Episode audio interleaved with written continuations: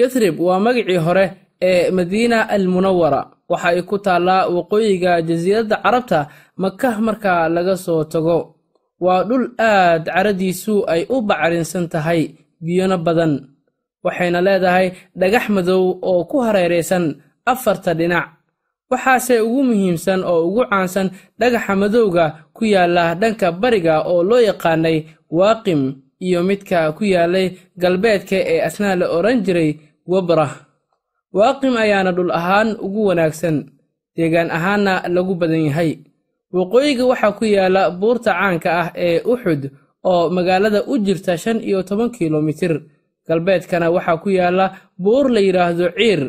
Sidoo kale waxaa ku yaallo togog uu ugu caansan yahay togga la yidhaahdo ma loo yaqaano budxaan mudaynib iyo caqiiq magaca yathrib waxaa laga helay qoralladii ay sameeyeen nimankii la odhan jiray maciiniyiinta taasoo ku tusinayso inay magaalada qadiimi tahay inkastoo ay yar tahay cilmi baarista taariikheed ee lagu sameeyey magaaladaasi. Cilmi baarisyada la sameeyey waxa ay isku khilaafeen asalka ay ka soo jeedaan yahuudda iyo halka ay kaga soo hijroodeen magaalada madiina almunawara oo ay degganaayeen ka hor madiina. Laakiin waxa ay u badan yihiin in ay ka yimaadeen dhanka iyo shaam ayagoo ka soo cararay roomaanka qarnigii koowaad iyo qarnigii labaad ee miilaadiyada taasina waxa ay dhacday kadib markii ay fashilantay kacdoonkii yahuudda ee uu cagta mariyey boqorkii teytus toddobaatankii miilaadiyada waxaa xigay qax ay yahuudda ka soo qaxeen shaam oo dhacay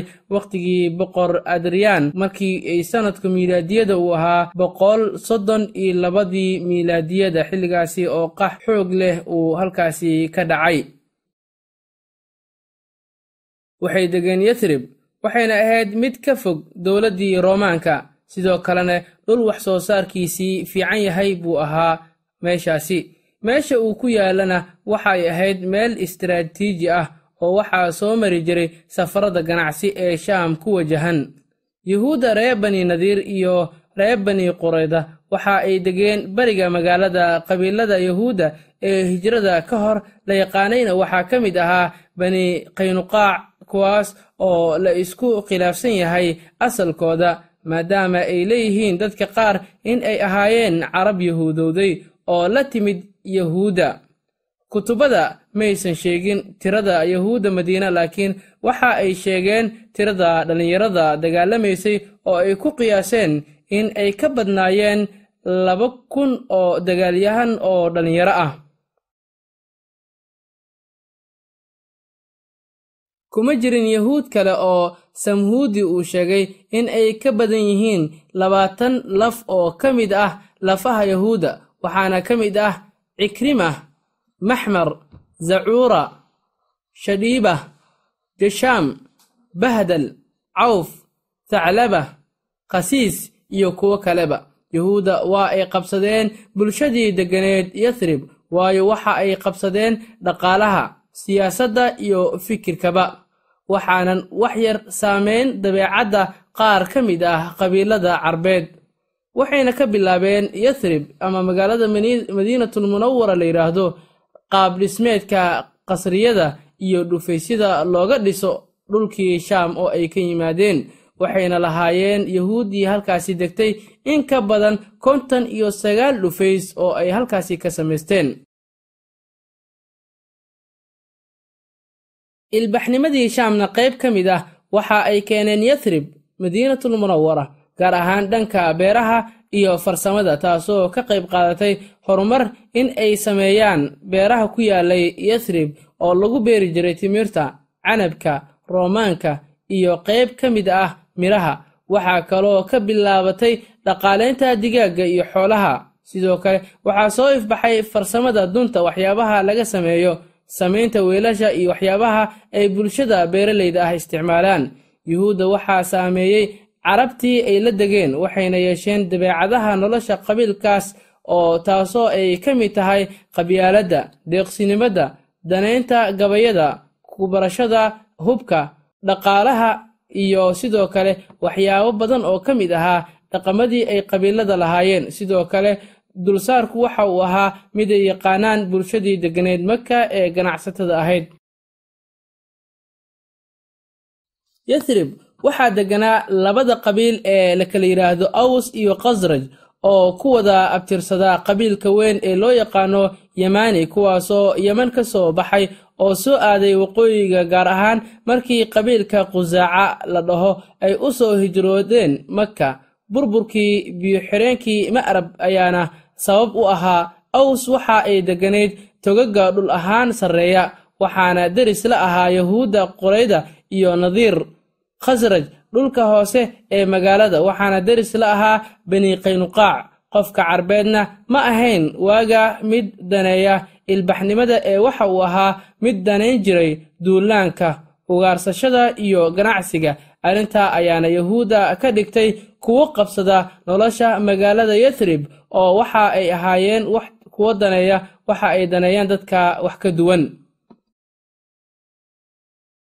Yahuuddu waxa ay ku guulaysteen inay fidno dhex dhigaan carabtii ayna ka dhex xuriyaan dab cadowtooyo iyo in ay dagaal wada galaan aws iyo khasraj waxaana ugu dambeeyey dagaalkii maalinkii loo yaqaanay bucaas hijrada nebiga ka hor konton sano kaasoo ay aws ku jebisay khasraj ayagoo garab ka helaya isbahaysigii ay la lahayd yahuudda deriskooda ahayd ee nadiir iyo qorayda carabtu waa ay fahmeen ciyaarta yahuudda ay la ciyaarayeen waxayna ka shaqeeyeen sidii ay ku heshiin lahaayeen si aysan yahuudda uga qabsanin magaalada yathrib. Waxay dagaal u galeen sidii ay ku dooran lahaayeen cabdulaahi ibnu ubaya ibnu salool kaasoo aan dhanna raacin dagaalkii bucaad isagoo waxa uu ka soo jeeday qabiilka la yidhaahdo khasraj wuxuuna noqday boqorka yathrib ee mideeya khasraj iyo aws oo mar uu dagaal uu dhex maray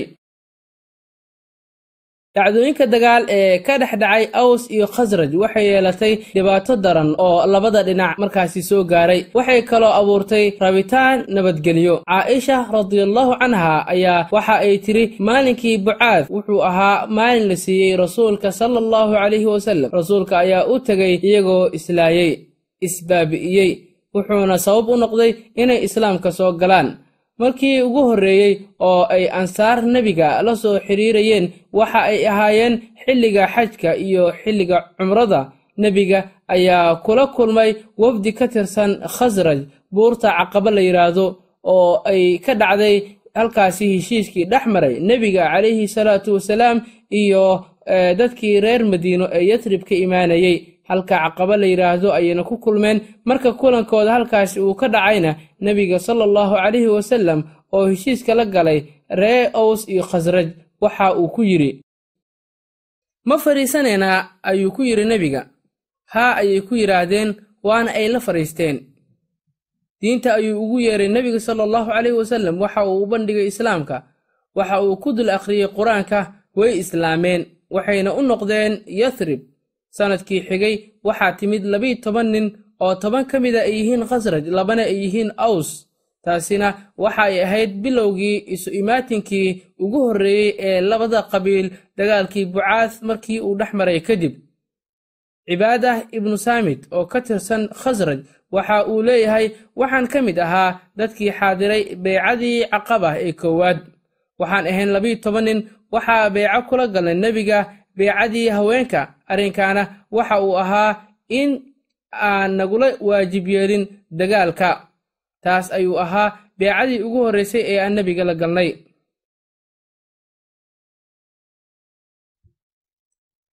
Waxaan ballan kula galnay nebiga inaynaan alle u shariig yeelin. Xatooyo aynaan samayn. Galmo sharci darro ah aynan ku dhaqaaqin. Carruurteenna inaynaan laynin. Been abuurna aynaan la imaanin.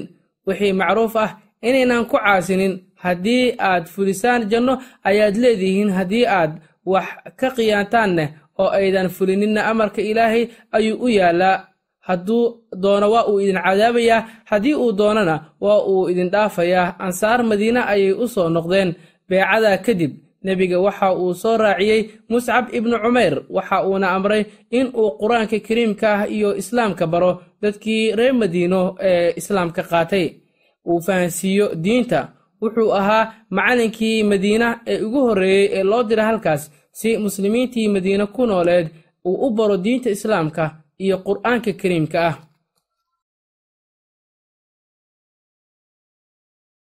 Shaqadiisii waa uu gutay wuxuuna u laabtay magaalada maka almukarama ka hor inta aan la gaarin beecadii caqaba ee labaad.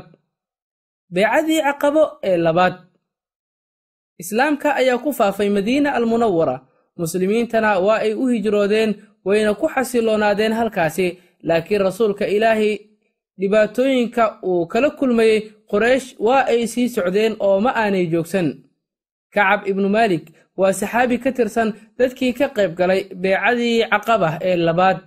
Waxa uu yidhi xilli uu ka sheekaynayey waxaan ka mid ahaa dadkii xajka aaday waxa uu yidhi kacab waannu dukannay waan fahannay.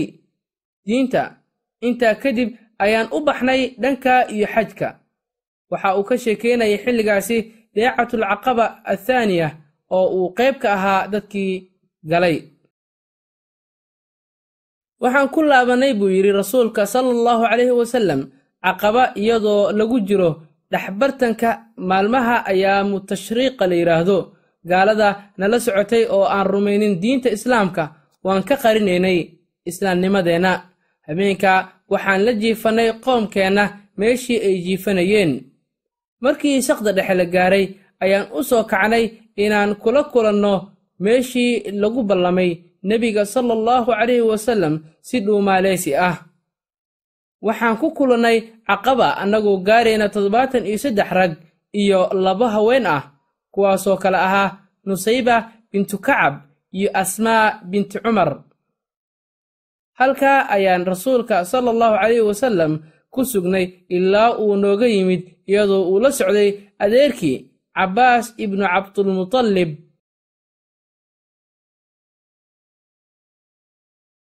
cabbaas waxa uu ahaa maalinkaa mid haysta diinta qoomkiisa oo aan soo islaamin hase yeeshee waxa uu jeclaystay inuu goobjoog ka noqdo arrinka wiilka walaalkii oo uu hubsado. Markii la fadhiistay cabbaas ayaa hadalka bilaabay. Waxa uu caddeeyey inuu nebiga qoomkiisa dhexdiisa uu yahay mid aan la taaban karin oo uu haysto ilaalo ku filan islamarkaana uu yahay mid aan loo dhowaan karin oo xorriyad ku nool laakiin uu doonayo in uu u hijroodo magaalada madiinatulmunawara saa daraaddeed cabbaas waxa uu doonayey in uu hubsado ansaar in ay nebiga ilaalin karto haddii kale ay ka tagaan. Ansaar waxa ay ballan qaadeen in uu nebiga sala allahu calayhi wasallam marka hor hadlo uuna sheegto wixii shuruud ah ee uu doonayo nebiga ayaa hadlay qur'aan ayuu akhriyey ilaahay ayuu dadka ugu yeeray islaamka ayuu jeclaysiiyey waxa uuna yidhi waxaan rabaa inaad iga ballan qaadaan inaad iga difaacdaan waxaad ka difaacaysaan haweenkiina iyo carruurtiinna hadalka waxaa qaatay baraa ibnu macruur oo yidhi allah xaq kugu soo diray ayaan ku dhaarannay waxaa nagu ballan ah in aan kaa difaacno waxaan ka difaacayno haweenkeenna iyo carruurteenna waxaan nahay dad dagaal yaqaan ah.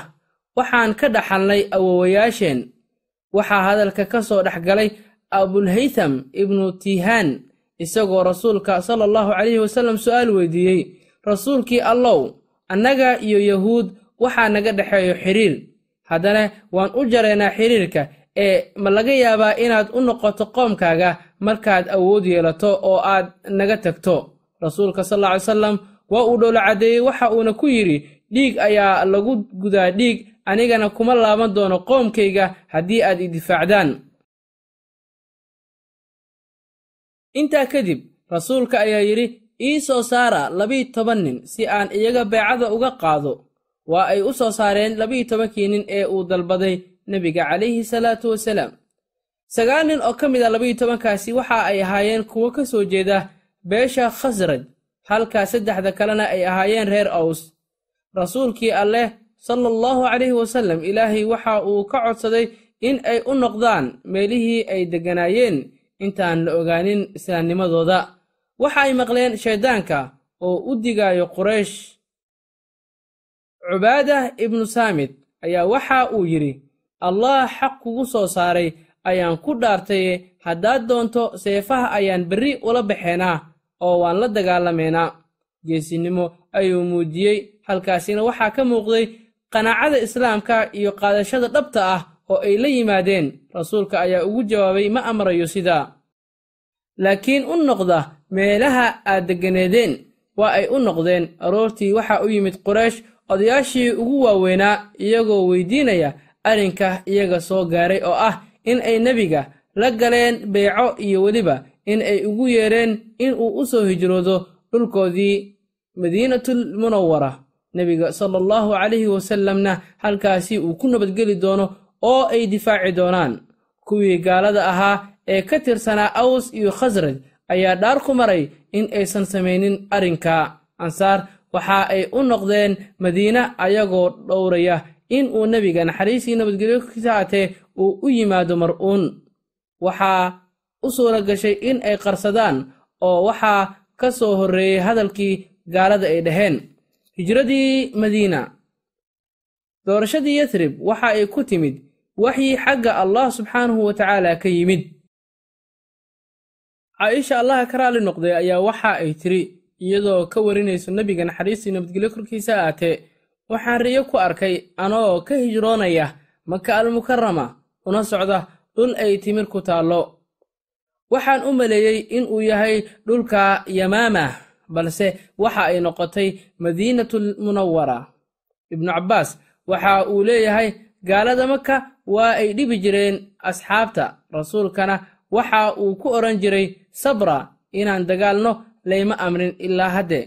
Ilaa uu ka soo hijrooday nebiga. Naxariis iyo nabadgelyo korkiisa ahaatee oo uu ku soo dejiyey ilaahay subxaanahu wa tacaala aayad qur'aan ah oo faraysa in ay muslimiinta ka baxaan dhibka oo ay dagaalamaan. Ilaahay wuxuu yidhi udina liladiina yuqaatiluuna biannahum dulimuu ina allaha calaa nasrihim laqadiir muhaajiriintii ugu horreysay muscab ibnu cumeer iyo cabdulaahi ibnu maktuum waxa ay ka mid ahaayeen muhaajiriintii ugu horreysay macallimiin qur'aanka dadka bara. abuu salam ibnu cabdilasadna wuu uu soo hijrooday isagoo diintiisa la soo cararaya oo ka baqaya fitno iyo cadaab joogto ah in ay kula kacaan kufaartii uu ka soo hijroonayey suhayb arruumina asigoo raba in uu hijroodo ayaa waxa u diiday hijradii odayaashii qoraysh markaa ayuu waxa uu uga soo tegey wixii hanti uu lahaa kadib markii ay ka hor istaageen in uu hijrada aado. Wa min annaasi man yashtarii nafsahu ibtiqaa'a mardaati illaah aayaddaasi qur'aanka ah waxa ay tilmaamaysaa in ay wanaag badan yihiin dadka allaah raalli ahaanshihiisa ka doorta maalka ay leeyihiin. Cumar ibnulkhataabna waxa uu ka sheekaynayaa sida uu u soo hijrooday. Markii ay ku ballameen cayaash ibnu abi rabiica iyo hishaam ibnu casii safar meesha la dhaho oo u jirta dhowr kilomitir magaalada maka almukarama ayaa waxaa la xiray hishaam waana la fidneeyey. Waxa uu ka noqday diintii islaamka ee uu qaatay. Dhanka kale muslimiintii u hijrootay madiinatul munawara intoodii badneed waxa ay degeen meel ku dhow cumar ibnu cawf oo degganaa qubaa gaar ahaan meel lagu magacaabo casabah masjidka quba ayay ku tukan jireen waxaana imaam u ahaa saalim ibnu macqal oo ahaa wiilkii uu xoreeyey abuu xudayfa radiallaahu canh saalim waxa uu ahaa ninka ugu qur-aanka badan muhaajiriinta hijradii nebiga sala allahu calayhi wasallam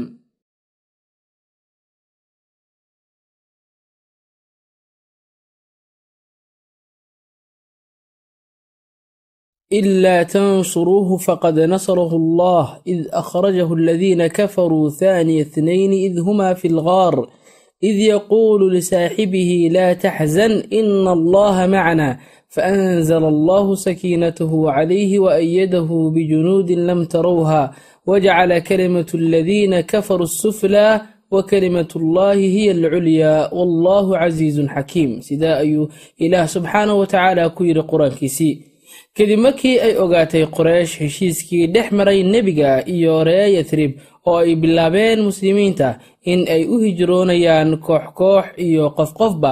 Waxa ay sameeyeen shirqool aad u weyn oo ay ku dilayaan nebiga naxariisii nabadgelyo korkiisa aatee qoreysh ayaa waxa ay arrintaasi ahayd mid u istaagtay. Zuhra isagoo ka sheekeynaya taariikhdii hijrada nebiga waxa uu yidhi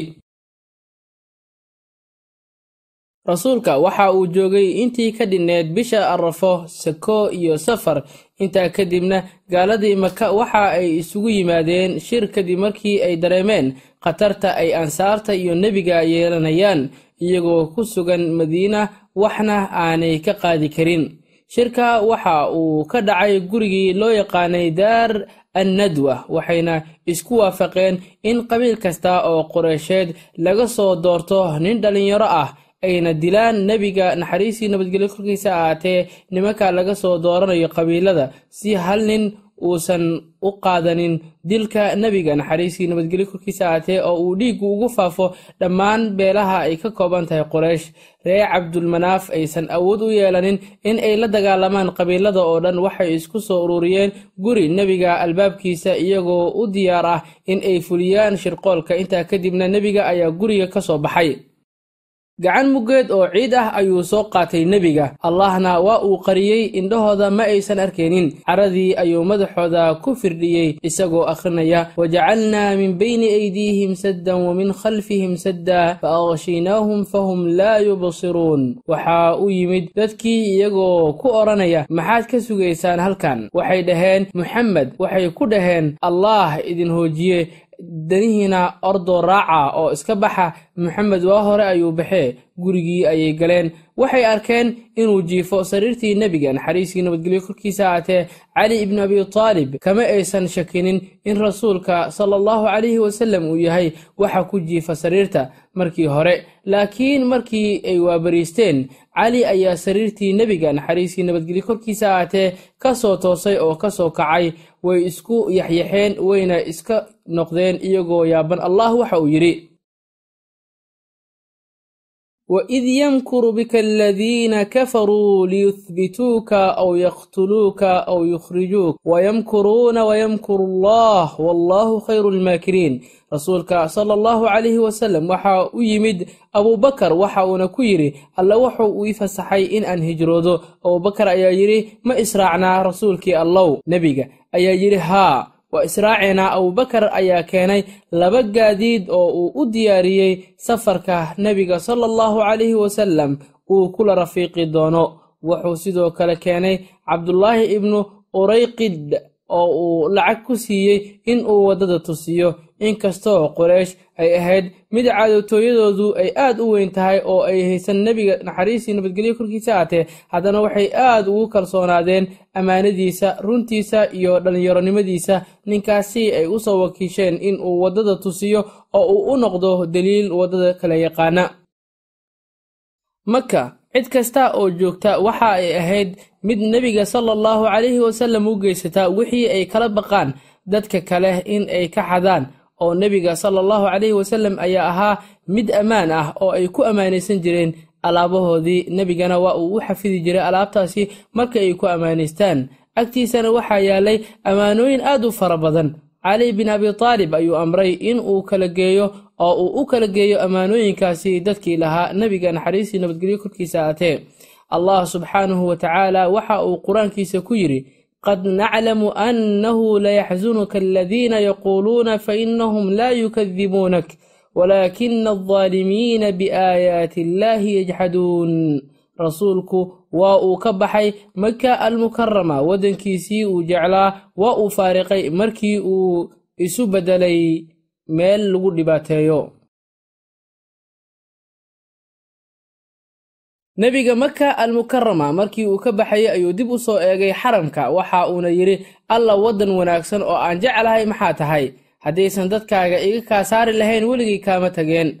Allah subxaanahu wa tacaala waxa uu qur'aankiisa ku leeyahay cibaadiya aladiina aamanuu ina ardii waasicah fa iyaaya facbuduun way ambabaxeen rasuulkii alleh iyo abubakar sidiiq abubakar waxa uu amray cunugiisii cabdulaahi in uu u soo dhegadhegeeyo waxa dadku ay ku hadlayaan oo ku saabsan safarkiisa caamir ibnu fuheyrna waxa uu amray inuu ariga raaco maalintii si uu u baabi'iyo raadka nebiga naxariistii nabadgelyo korkiisa ahaatee iyo abubakar sidiiq asmaa oo iyaduna ahayd gabadhii abubakar ayaa waxa uu abubakar uu amray in iyadana ay u keento raashiinka oo mar walbaahi waxa ay u qaadi jirtay raashiinkii oo diyaarsan oo ay cuni jireen si ay ugu noolaadaan.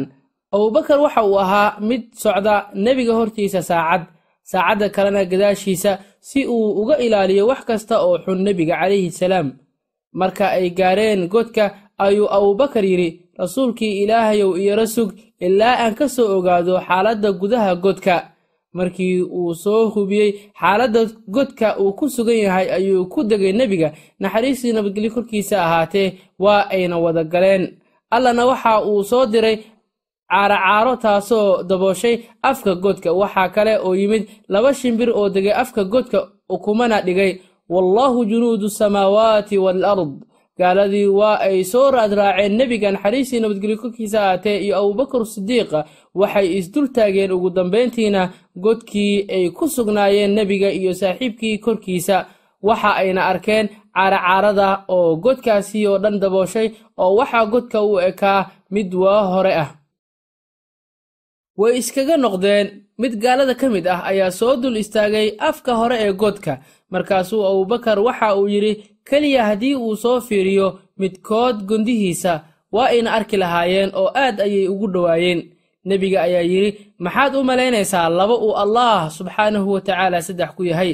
Thaaniya ithnayni id humaa fi lgaar id yaquulu lisaaxibihi laa taxzan ina allaha macanaa quraysh waxa ay iclaamisay abaalmarin aad iyo aad u weyn oo la siinayo qofkii keena nebiga naxariis iyo nabadgelyo korkiisa aatee waxaana abaalmarintaasi ay ku sheegeen inay tahay boqol halaad oo geel ah oo qofka uu qaadan doono haddii uu soo qabto oo uu gacanta ku soo dhigo nebiga naxariistii nabadgelyo korkiisa aatee oo xilligaasi ay quraysh baacsanaysay nebigana uu ahaa mid u sii hijroonaya dhanka iyo madiinatulmunawara waxaa maqlay arrinka suraaqa ibnu maalik. Waxa uu damcay in uu gacanta ku dhigo abaalmarinta. Waxa uu fuulay faraskiisa isagoona bilaabay baadigoob uu ku raadinayo moxamed sala allahu calayhi wasallam iyo saaxiibkii. Suraaqa waxa uu awood u yeeshay in uu gaaro hadafkiisii qayb ka mid ah laakiin faraskiisii ayaa turaanturooday saddex jeer wuuna ka dhacay. Waxaa intaa dheeraa qaac hawada isku shareerayey waxa uu ogaaday suraaqa in uu gaaro in ay adag tahay. Allana uu ilaaliyey labadaasi qof. Intaa kadib suraaqa ayaa cod aad u sarreeya. Waxa uu kula hadlay nebiga iyo saaxiibkii. Waxa uu yidhi waa suraaqa isoo eega aan idinla hadlee. Ilaahan ku dhaartay xaggayga wax dhib ah idinkagama imaanayaan. Nebiga sala allahu calayhi wasallam ayaa abubakar waxa uu ku yidhi bal weydii waxa uu doonayo suraaqa ayaa yidhi ii qor warqad ii noqota calaamad naga dhexayso. Rasuulka sala allahu calayhi wasallam ayaa yidhi ka warna haddii aad xerato taajka boqorka kisra. Intaa kadib ayaa waxa uu suraaqa ku yidhi nebiga naxariistii nabadgelyo korkiisa haatee iga sii qaata jiscin iyo alaab laakiin nebiga kama aqbalin. Keliya naqari ayuuna ku yidhi. Xilligii cumar muslimiinta markii ay furteen dhulkii baarshiyiinta cumar waxa uu u yeeray suraaqa waxa uuna u xiray taajkii boqorkii kisra oo halkaasi waxaa ka soo baxay ballankii nebiga naxariistii nabadgelyo korkiisa uu u ballanqaaday suraaqa xilligii uu ku daba jiray nebiga oo baxsad ka ah kufaartii kuna sii socday madiinatul munawara oo uu hijro ahaan u aadayey. Nebiga iyo abubakar safarkoodii ayay waxay ka sii wateen halkoodii oo waa ay socdeen markii suraaqa iyo nebiga ay ballantaasi kala galeen oo suraaqana lagula ballamay in uu qariyo nebigana taajkaasi uu u ballanqaaday umu macbad oo reer khusaaca ka dhalatay ayuu soo maray nebiga. Naxariistii nabadgelyo korkiisa haatee waxaa agteeda joogtay neef yar oo ari ah tabardarro awgeedna u raaci weysay arigii kale. Nebiga candhada ayuu ka salaaxay allana wuu baryey markaa ayay caano keentay. Wuu waraabiyey iyada. Asxaabtiisiina sidoo kale intaa kadibna isaga ayaa cabay. Mar kale ayuu maalay nebiga. Naxariistii nabadgelyo korkiisa haatee ridii wuxuuna u buuxiyey weelka. Abumacbad markuu soo noqday ayuu sheekada weydiiyey. Waxay ku tiri sheeko kale ma jirto laakiin nin barakaysan ayaana soo maray maanta. Tilmaan fiicanna waxa ay ka siisay nebiga sala allahu calayhi wasallam oo ay tilmaantay. Markaa ayuu yidhi waxaan u malaynayaa ninkii quraysh oo ay raadinayeen in uu yahay ninkaa ina soo maray ee barakaysan ee rideennu ay sidaa u darartay markii uu candhadeeda salaaxay islamarkaana uu ku bilaabay in uu inoo maalo caanaha badanna ay ka yimaadeen. Cabdulaahi ibnu qureyd markaa ay ka soo baxayeen maka almukarama magaaladii barakaysnaa oo ay ku soo jeedeen madiinatul munawara iyagoo hijroonaya waxa uu yidhi waxaan ka soo baxnay maka hoosteeda xeebta ilaa uu kaga soo dhacay waddada casfaa la yidhaahdo meesha la dhaho kadibna kharaas ayuu yimid ilaa ay uga soo dhaadhaceen fangorta murra. Kadibna waxa ay soo mareen laqfaa waxa ay soo mareen sidoo kale inta ay ku jireen socodkaasi dheer meesha la yidhaahdo madlajad maxaaj kashr jadaajid ajraad iyo halka la yidhaahdo daasalaam iyo tajin ilaa ay ka soo gaareen faajah waxa uu ahaa safar aad u dhib badan. Kufaarta ayay ka soo baxsanayeen waxa ay u socdeen madiinatul munawara oo muslimiintii halkaa joogtay ay ballan ku galeen in ay difaaci doonaan diinta islaamka iyo muhaajiriinta. Ibnu hishaam waxa uu yidhi intaa kadib waxa ay ku soo degeen caraj waxaa daahiyey culayskii ay wadeen waxaana u yimid waddada ninkii tusinayey waxa uu marsiiyey fongorta meel la yidhaahdo caa'ir oo ku taalla midigta rakuuba ay kaga gaareen bandunriim kadibna quba ayay tageen waxayna ku degeen ree cumar ibnulcawf habeenkii labiyi tobanaad ee bisha mawliidka. Iyadoo ay tahay maalin isniin ah xilli barqo ah ayay tageen halkaasi oo ay qorraxdu soo kululaanaysay. Oo gelinka hore ee maalinkii ayay halkaasi gaareen safar dheer oo dhib badan markii ay soo mareen kadib waxa ay nabad tageen magaaladii madiina al munawara oo ahaa hadafka iyo goobta ay u safrayeen